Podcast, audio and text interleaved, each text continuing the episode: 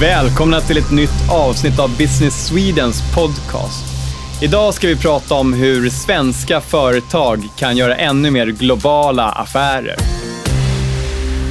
Mitt namn är Kristoffer Sköttqvist och med mig i studion har jag Jonas Almeling och Marie-Claire Maxwell. Välkomna!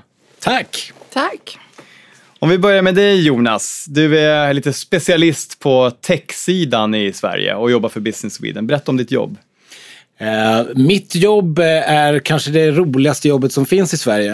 Eh, för det handlar om att hjälpa entreprenörer att eh, bygga globala företag. Inte bara i Sverige utan runt om i världen. Och det handlar om att göra Sverige till den bästa platsen för världen att bygga bolag i. Så åt båda hållen. Åt båda hållen, absolut. Marie-Claire, du är specialist på APAC. Berätta vad APAC är. Asia Pacific, så är det Kina, Korea, Japan, Southeast Asia, Indien och Australien. Men om Jonas nu har det roligaste jobbet så kanske jag har det tuffaste jobbet.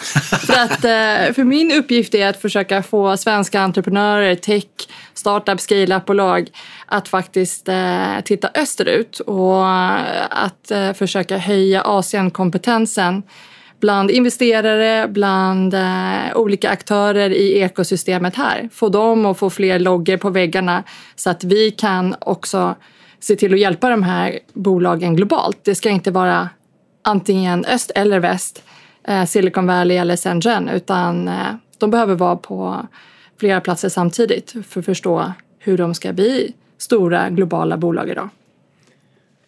Jonas, du har ju funderat mycket över det här med DNA hos entreprenörer och hur man kan förenkla deras vardag och ge dem både mod och kraft och förstå deras idéer i en expansionsfas. Berätta, vad är dina slutsatser från det? Ja, herregud, det vi, hur lång tid har vi, höll jag på att säga. Men det, det, det finns många slutsatser i det. Men det, några delar i hela som vi kan titta på i det här sammanhanget är väl framförallt vad är skillnaden på att vara entreprenör i ett traditionellt bolag och vad är skillnaden på att vara entreprenör i ett skalbart techföretag? Och en av de viktigaste skillnaderna är att när man befinner sig i ett traditionellt företag då har man väldigt stor del av det är löpande verksamhet. Man, man bygger en affär baserat på att man redan har en affär.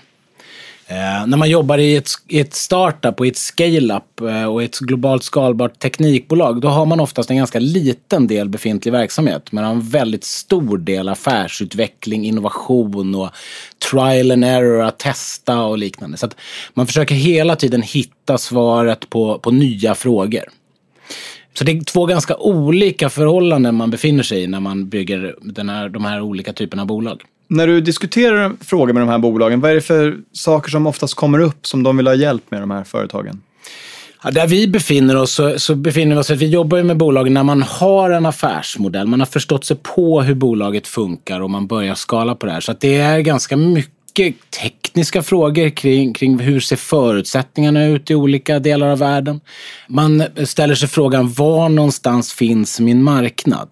Det här är färskvara. Det är liksom, har du en produkt eller en tjänst så kan den vara aktuell just nu i London eller i Singapore eller liknande. Eller i Brasilien eller någonstans. Så att det, det, det är verkligen tajmingen i när man tar reda på vart man ska någonstans. Och, och Jonas, du sitter ju i Sverige, i Stockholm, Ja. baserad där och har kontakt då med eh, Business Swedens vad är det, 53 olika kontor runt om i världen. Exakt. Och vad är det för inputs som du får från dem som du kan använda dig för att coacha de här bolagen i Sverige?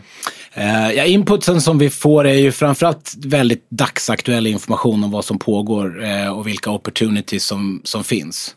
Sen är det också så att det man ska vara medveten om här det är att väldigt många av våra kontor eh, älskar de här kunderna. De älskar de här bolagen, de älskar den informationen. Så att det, det, det är liksom tvåvägs. Det, vi stimulerar bolagen och ser till att de får reda på den information de behöver. Men det stimulerar också vår organisation fantastiskt mycket att få jobba med innovation och tech och, och, och väldigt häftiga samhällsförändrande eh, företag. Marie-Claire, du hjälper företag i Kina till exempel. Det är ju som vi vet en av de snabbast växande medelklasserna där i världen. En miljard personer plus. Vad ger det för råd till företag som vill, vill ge sig in i Kina om vi börjar där? Ja, men precis. Det är ju en, otro, Kina är ju en, en väldigt stor marknad så det är väl först att liksom koka ner från APAC till Asien, till Kina, till Shanghai eller till Shenzhen. Att försöka förstå var man ska vara och, och, och sen också vad som är vilken region som kanske är mest relevant för dig. Det ena kan vara var man sätter upp företaget, det andra kan vara var du jobbar med din R&D och sen en annan kan vara var du har din marknad. Men, men samtidigt så kan den ju lika väl börja online. Eh, och då så är det framförallt i Kina då andra spelregler. Det är andra form, vi måste ha en annan sökfunktion därför att det som är Google-baserat eh, fungerar inte. Du har andra säljkanaler istället för de, våra traditionella. Och eh, du har också andra eh, sociala mediekanaler. Så att det är liksom bakom the great firewall of China så behöver du sätta upp ett helt nytt system för, för din försäljning, för din konsumentkontakt, för, för logistik och så vidare. Vi så pratade om det i ett annat avsnitt här med Tobias Glitterstam som också jobbar tillsammans med dig, Marie Claire, om den otroliga tillväxten och hur starka de digitala spelarna är i, i Kina. Exakt. I Asien så är det fortfarande bara en tredjedel som är online. Och ändå så är det en av de, de största bara WeChat har 700 miljoner användare. Så att det är inte så att de inte har någon Facebook utan de har ju andra alternativ. Ja, och WeChat är till och med mer utvecklat än vad Facebook är för det finns även en både diskussion och ett köpforum där. Ja, exakt. Både att, att eh, de är mer utvecklade eller annorlunda eller att man har också andra förutsättningar för att du har hoppat över eh, traditionella beteenden, eh, du har haft bankkonton, vad du än är. Alltså att, att det, det är en, nya affärsmodeller har utvecklats just för att det är ett annat ekosystem och andra köpbehov. Du frågar till exempel väldigt mycket mer när du ska köpa en produkt online. Du frågar dina kompisar, du frågar köpsajten eh, och det har att göra med att du kanske inte har köpt den offline i en butik förut. Utan när du köper tvättmaskinen, bilen eller dina jeans så, så har du en helt annat batteri eh, kring, kring köpbeteendet. Och det är inte någonting som, du, som, som vi har i, i västvärlden på samma sätt. Men jag tänker också att det kan vara en av de svårigheterna som folk kanske aktar sig lite grann för när man tänker på expansion. Mm. När man sitter med sitt eh, bolag som ska ut i världen. Och man kanske säger så här, ja men då går vi in i, i Oslo, och sen går vi in i Berlin eh, och sen eh, får vi se vad som händer därefter. Vad vi har försökt göra i, i Asien nu är att vi har också satt upp två stycken Nordic Innovation Houses. Det har ju varit en, en väldigt viktig to go to eh, hub och, och, och, ekosystem i Silicon Valley för att minimera risk och för att också kanske på ett väldigt tidigt skede komma i kontakt med, med andra startups med investerare för att kunna eh, innan du kanske har bestämt dig för den amerikanska marknaden eh, förstå vad det är som gäller. Och samma sak då nu när vi får upp ett i Singapore för Southeast Asia och sen senare i år så öppnar det i, i Hongkong för Greater Bay och eh, då har du en möjlighet att, att åka ner dit, få en, få en, få en känsla för, för eh, ja, vilka strategier, vilka investerare, vilka företag som du ska jobba med.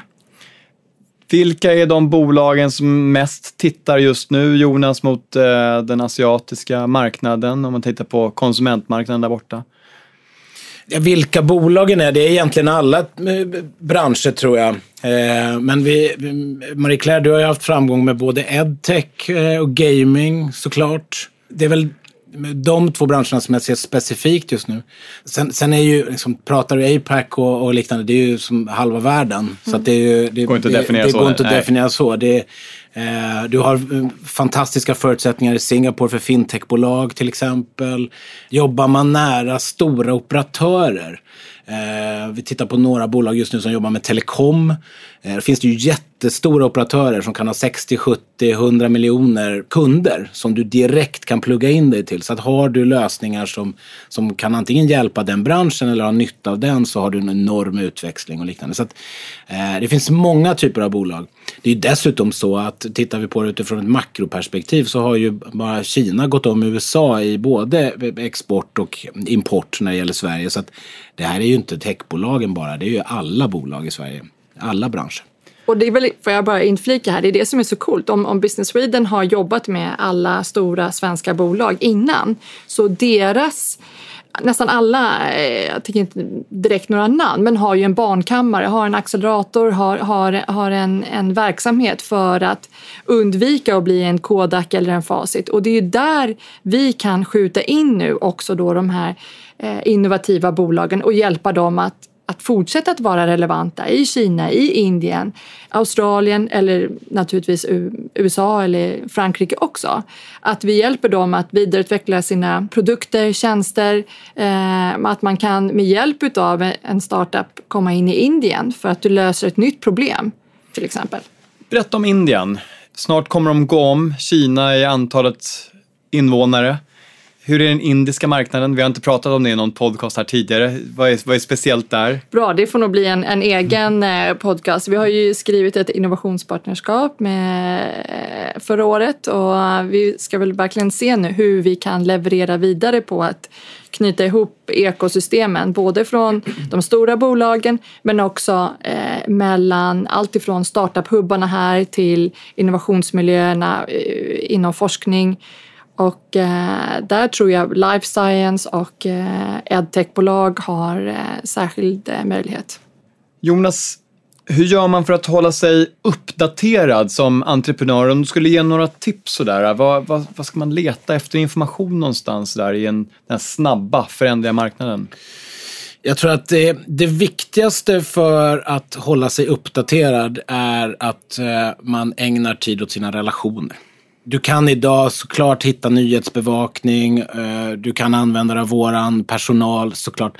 Men i grund och botten så det viktigaste ehm, när det gäller din internationalisering det är att du har förtroendefulla relationer.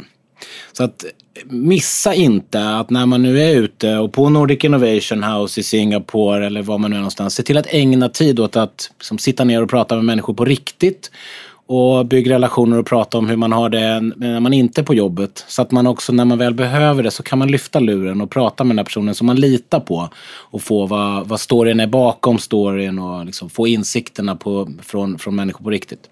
Och vårt jobb är väl kanske också att försöka hjälpa till att odla nya relationer på Absolut. nya marknader. Så att du faktiskt kan fundera på Kina. Eller att du kan fundera på Brasilien. Eller glömma bort dem och säga att men jag ska fortsätta på den här i, i Tyskland, för det är det som är rätt. Och, men att du faktiskt har haft chansen att, att utvärdera eller ta nästa steg. Att, att det inte blir så drivet utav slumpen utan att det ska vara eh, drivet utav insikter och att vi ska kunna hjälpa till att minimera risken och kostnaderna för att ta reda på vilka marknader som, som är bäst för dig. Marie-Claire, berätta lite mer om regionen Greater Bay. Ja, det är, det är konkurrens om, om vilken Bay Area som är bäst. Är det, är Silicon Valley? Är det Helsingfors hörde jag kör nu uh, the finest Bay Area och, och Beijing hade, Bay Area. hade ju Bay. Och om man då tittar på Greater Bay, en uh, region som uh, var en fiskeby för 30 år sedan där 80 procent utav världens teknik produceras idag. Hungern bland eh, de entreprenörer och den mix utav talang som finns där tycker jag är otroligt häftig att se. Så att för mig är det, jag vill bara få så många som möjligt, skapa möjligheter för så många som, som möjligt att komma dit. Och på andra ställen i Asien också. Så att man får de här relationerna och man får insikterna på ett annat sätt. Jonas, när man sitter och diskuterar med startups eller med scale-ups i Sverige så kan jag tänka mig att det ändå känns som en ganska stor investering. Vi har pratat om det tidigare i en podcast här, att ska man gå in i, i Apex så ska man göra det med hela hjärtat, inte bara en liten sidogrej. Tror att många hindrar sig själva för att de inte har, känner att de har musklerna att göra det. Konkurrensen där borta är superhård. Vad, vad, säger du? Absolut. Alltså det, man måste eh, på något vis inse vilka förutsättningar man har och att man ska göra satsningarna på internationella marknader när tajmingen är rätt. Eh, och det må låta som en floskel i sammanhanget men det är otroligt viktigt att man inte satsar på, på Kina utan att faktiskt ha musklerna att göra det. För att det är, precis som Marie-Claire beskriver, det är ett helt annat ekosystem. Du måste gå all in när du gör det. Men du ska å andra sidan också ägna dig åt att ta reda på vilken information som behövs och se till att du vet på din resa när du ska göra det här. Ehm, men det, det, det, är inte fel att gå till Norge först. Det är inte fel att gå till Tyskland efter det eller UK eller liknande. Det är bara att du ska ha en rätt roadmap framför dig.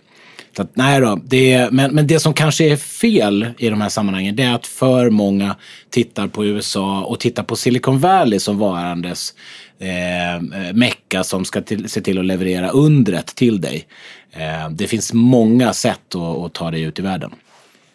Marie-Claire, eh, när du jobbar med svenska bolag ute i världen, vad, vad är de om vi tittar på APAC då, det blir stort och som du sa halva världen, men vad är, de, vad är misstagen som svenska företag eller företagare gör när de går in? Uh, lite det som, som Jonas var inne på, att, att det är viktigt att, att ändå förstå uh, vilka satsningar som krävs. Och att man uh, både monetärt men också i form av tid. Och, och sen att det är ju stora regioner vi pratar om och, och förstå hur de eh, liera med varandra. Vi är bättre i Stockholm, London, Paris, New York. Men, men vilka är det som, vilka är trendsättarna i Asia Pacific? Om du kommer in, om du börjar i en marknad kan det leda vidare någon annanstans. Och hur, hur är spelet där till exempel? Och när man reser runt i världen, hur ser man globalt på Sverige som land? Vad är det man kan lyfta fram som eh, svensk entreprenör? Vad är det folk associerar till? Jag brukar få en ganska rolig fråga ibland. Eh, vad sjutton eh, ger du dina grabbar, jag har tre pojkar, till frukost? Eh, vad, hur, hur, kan en, en liksom, lilla Sverige vara så, så innovativt? Vi läser skolsystemet, ja, det är upp och ner i PISA-rankningar och annat. Men, men eh, vad, vad gör de efter skolan och när slutar de och hur funkar det? Och jag tror att det, det, är det som blir ganska kul när man då försöker förklara vad, att de inte har eh, matte, fiol, eh, piano och extra si och så utan de får, får leka och klä ut sig eller, eller vad det än är. Som gör att vi fortfarande gång på gång kan leverera nya storbolag, nya idéer, nya globala succéer. Och eh, det är rätt häftigt. Jonas, vad är din Ja, alltså Sverige är, det, det, som är det mest fantastiska med, med det vi har förmånen att göra när det kommer till Sverige, det, det, är att vi, vi bygger någonting på vad jag brukar beskriva som the best brand promise in the world. Det är alltså det, det bästa löftet som finns bakom ett lands varumärke. För det är, Sverige baserar sitt, sitt varumärke på saker som att vi har varit i fred i över 200 år. Det är världsunikt. Det finns inget land i världen som har varit i fred i över 200 år. Vad innebär det för våra globala relationer? Jo, det innebär att vi har vänner överallt. Det finns ingen som har ett generationsminne av att se Sverige som en fiende. Inte ens farmors farmor eh, har någon som helst relation till det. Så att, eh, människor överlag runt om i världen uppfattar Sverige som ett väldigt vänligt land, som ett väldigt innovativt land. Även om man ska vara ärlig och säga att det här med Unicorn Factory och att det är så att, det, att vi är ett sånt fantastiskt tech och innovationsunder. Det vet vi, men det vet inte så många när man väl, ju längre man kommer ifrån vårt land. Och det är dessutom så att det är inte så många som heller vet vad skillnaden är på Sverige och Norge och Danmark eller till och med Tyskland ibland eh, eller Baltikum och liknande. Så att vi är, vi, vi är Nordics, vi är Scandinavians, vi är Europeans. Det är liksom, att vi är svenskar, det fejdar ganska snabbt när man eh, beger sig iväg ut i världen. Mm. Vi pratade Absolut. om det. Ja. det jag menar, I Japan kan du fortfarande behöva komma med ABBA. Eh, I Kina, Jan-Ove Waldner. Det är inte helt självklart att eh, förbi Ikea, H&M, EF, många andra stora jättelyckosamma bolag i Asien att du, du känner till att de ens är från Sverige. Nej. Och sen då börja prata om, om de här unicornsen. Väldigt få har en aning om att de är från Sverige. Men som, som Jonas säger, vi har en väldigt god klang. Så när vi kommer och berättar om att vi är från Sverige och sen lägger på de här eh, ytterligare bevisen för, för eh, bolag och för vilka ekosystem och Nobel och så vidare. Då börjar eh, intresset att väckas. Och än mer nu skulle jag vilja säga. Det finns ett, eh, helt klart ett nyvaknat intresse för, för Sverige och för Norden bland investerare, bland storbolagen ute i Asien som, som vill eh, att vi ska delta i deras Open Innovation-tävlingar. Många av acceleratorerna i Shenzhen eller i Shanghai vill se fler nordiska, svenska bolag. Så, att, så det finns mycket bra öppningar för svenska bolag som vill ut i världen. Men det finns också mycket bra öppningar för internationella bolag som vill komma hit till Sverige. Och vi har sett ganska mycket investeringar under de sista åren där stora internationella bolag har bestämt sig för att sätta upp affärer i Sverige. Jonas, berätta mer om det här.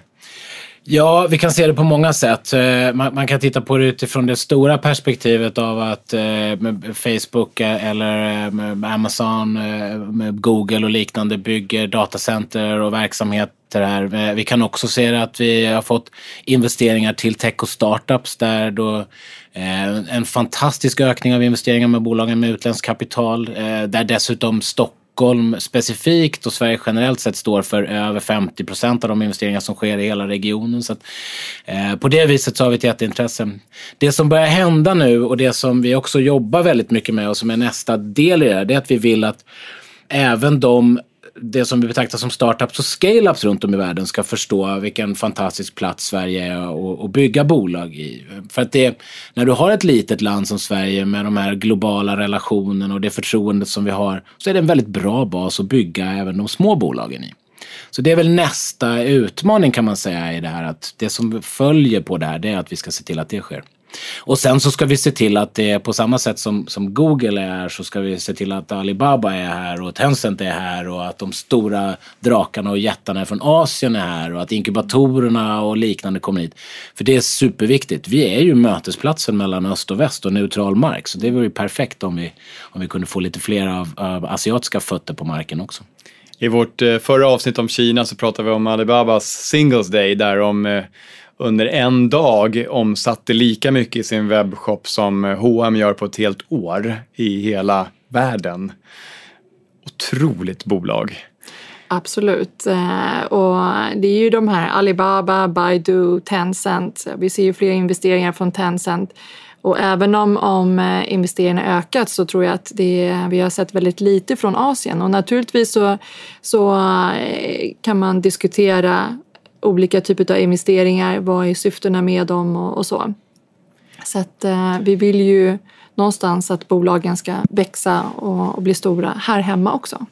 När jag växte upp så hade min pappa åsikter om Made in China eh, eller Made in Asien överhuvudtaget. Det var vissa saker man skulle akta sig för att köpa och så vidare. Hur ser det ut idag? Hur ser svenskars eh, insikter kring eh, varumärken från Asien ut? För det första så skulle jag vilja säga att jag tror att det har skett en, en skiftning från det här Made in China to Innovated with China. Eh, det var en, ett omslag på Wired för, för något år sedan där det kändes som den stora vändpunkten att, att det här att vara Made in China Eh, även om en del fortfarande på stora tidningsredaktioner säger att eh, de här billiga Kina-telefonerna eh, inte är så fantastiska så, så tror jag att eh, om du tittar på de produkter och de företag och brands som vi väldigt, väldigt få kan ens eh, peka, matcha ihop loggorna med, med namnen så blir ju de mer och mer globala spelare. De listar sig eh, runt om i världen för att få access till nya marknader. Men också så har de ett behov av att vara utanför Kina för att eh, vara relevanta för hemmamarknaden. För att många av de här kinesiska märkena har ju inte behövt bli globala av just tvärtom förhållandet eh, gentemot mot Sverige i och med att deras marknad har gått, snarare gått från kust till inland och att Kina har varit så stort. Men, men eh, millennials i Peking, Shanghai, Shenzhen, Hongkong, de vill ha det som, som vi har i Stockholm eller Berlin. Så att nu blir det mer och mer relevant och viktigt för kinesiska och, och generellt sett asiatiska varumärken att synas och vara hippa i Europa och USA, USA för att eh, även de ska vara åtråvärda av den lokala marknaden. På techmarknaden, Jonas, när man ska bygga varumärken där och komma ut med den typen av grejer i APAC, vad, vad ger du för råd då? Jag ska vara ärlig och säga att när det kommer till att kommunicera i Asien och bygga varumärke i Asien så, så har jag ingen som helst aning om hur man gör det. Mm. Och det är väl kanske det viktigaste rådet att inse att det, det, är få av oss som har den insikten. Så att ta råd från de som vet. Och där finns det mycket personer inom Business Sweden som är skickliga på. Absolut. Mm. Det finns personer inom Business Sweden som är skickliga på det och plus att vi har kontakt med dem lokalt som är duktiga på det. För att det är, det är så att precis som Marie Claire beskriver, stundtals så är det så väsensskilt hur man gör business, hur man kommunicerar. Så att man behöver verkligen, verkligen ha någon som, som har den här kunskapen och kanske till och med är infödd i, i, i den kulturen för att man ska kunna göra det på ett på ett bra sätt. Och det, det är ju svårt att, att eh, stay on top of things här hemma och, och hinna med i innovationsracet. Och då kan man ju tänka sig på andra marknader eh, med andra förutsättningar eh, och där det också finns helt andra resurser i form av pengar. När du eh, lanserar någonting i Kina så kan du få helt andra datamängder också. Det vill säga på så sätt så, så har man eh, andra konkurrensfördelar och möjligheter bara utifrån det. Globalt, vad är det Sverige kan bidra med Jonas? Ja, Sverige bidrar med, framförallt med tre delar som är, där vi är världsunikt duktiga. Vi är fantastiskt duktiga på innovation, vi är fantastiskt duktiga på design och vi är fantastiskt duktiga på hållbarhet. Och eh, det här innebär att vi kompletterar många ekosystem runt om i världen som, som kanske är bara på produktion eh, eller på skalbarhet eh, eller liknande. Och, och det här gäller inte minst i Asien. Just där Innovate with China till exempel är någonting som... Eh, det finns en anledning till varför man är så intresserad av relationerna med Sverige idag och det är av de här tre anledningarna. Och för att lägga till vad, vad Sverige också har, det är ju våra hierarki lösa organisationer, vår fika, våra, hur duktiga vi är på att samarbeta och, och lyssna in eh, alla inom företaget men också andra aktörer eh, runt omkring. Och sen också den här hierarkilösa, både på universiteten, inom företagen men att man vågar ifrågasätta eh, gängse principer. Så avslutningsvis, Jonas och Marie-Claire, har ni några sista tips till våra lyssnare vad de borde tänka på? Det som jag tycker är häftigt att se idag det är att det, det, är många som bygger bolag i Sverige som är för det första globala från dag ett men som inte alltid börjar på en svensk marknad utan man faktiskt ser vilka möjligheter som finns ute i världen och börjar bygga på en global marknad direkt. Där finns det fantastiska möjligheter. Så att, eh, fundera på det. Så att när du är i din eh, skalningsfas, kanske bryta det här traditionella mönstret och snarare utmana dig själv och verkligen fundera på var finns eh, min bästa marknad? Ehm, men inte minst, vilka är mina stora konkurrenter? Det behöver inte vara de som jag trodde i USA eller Europa utan det kan vara ett annat bolag från Australien eller Kina. Tack för era råd och tack för att ni var med i studion idag i Business Swedens podcast. Jonas Almening, Marie-Claire Maxwell, tack. Tusen tack. Tusen tack.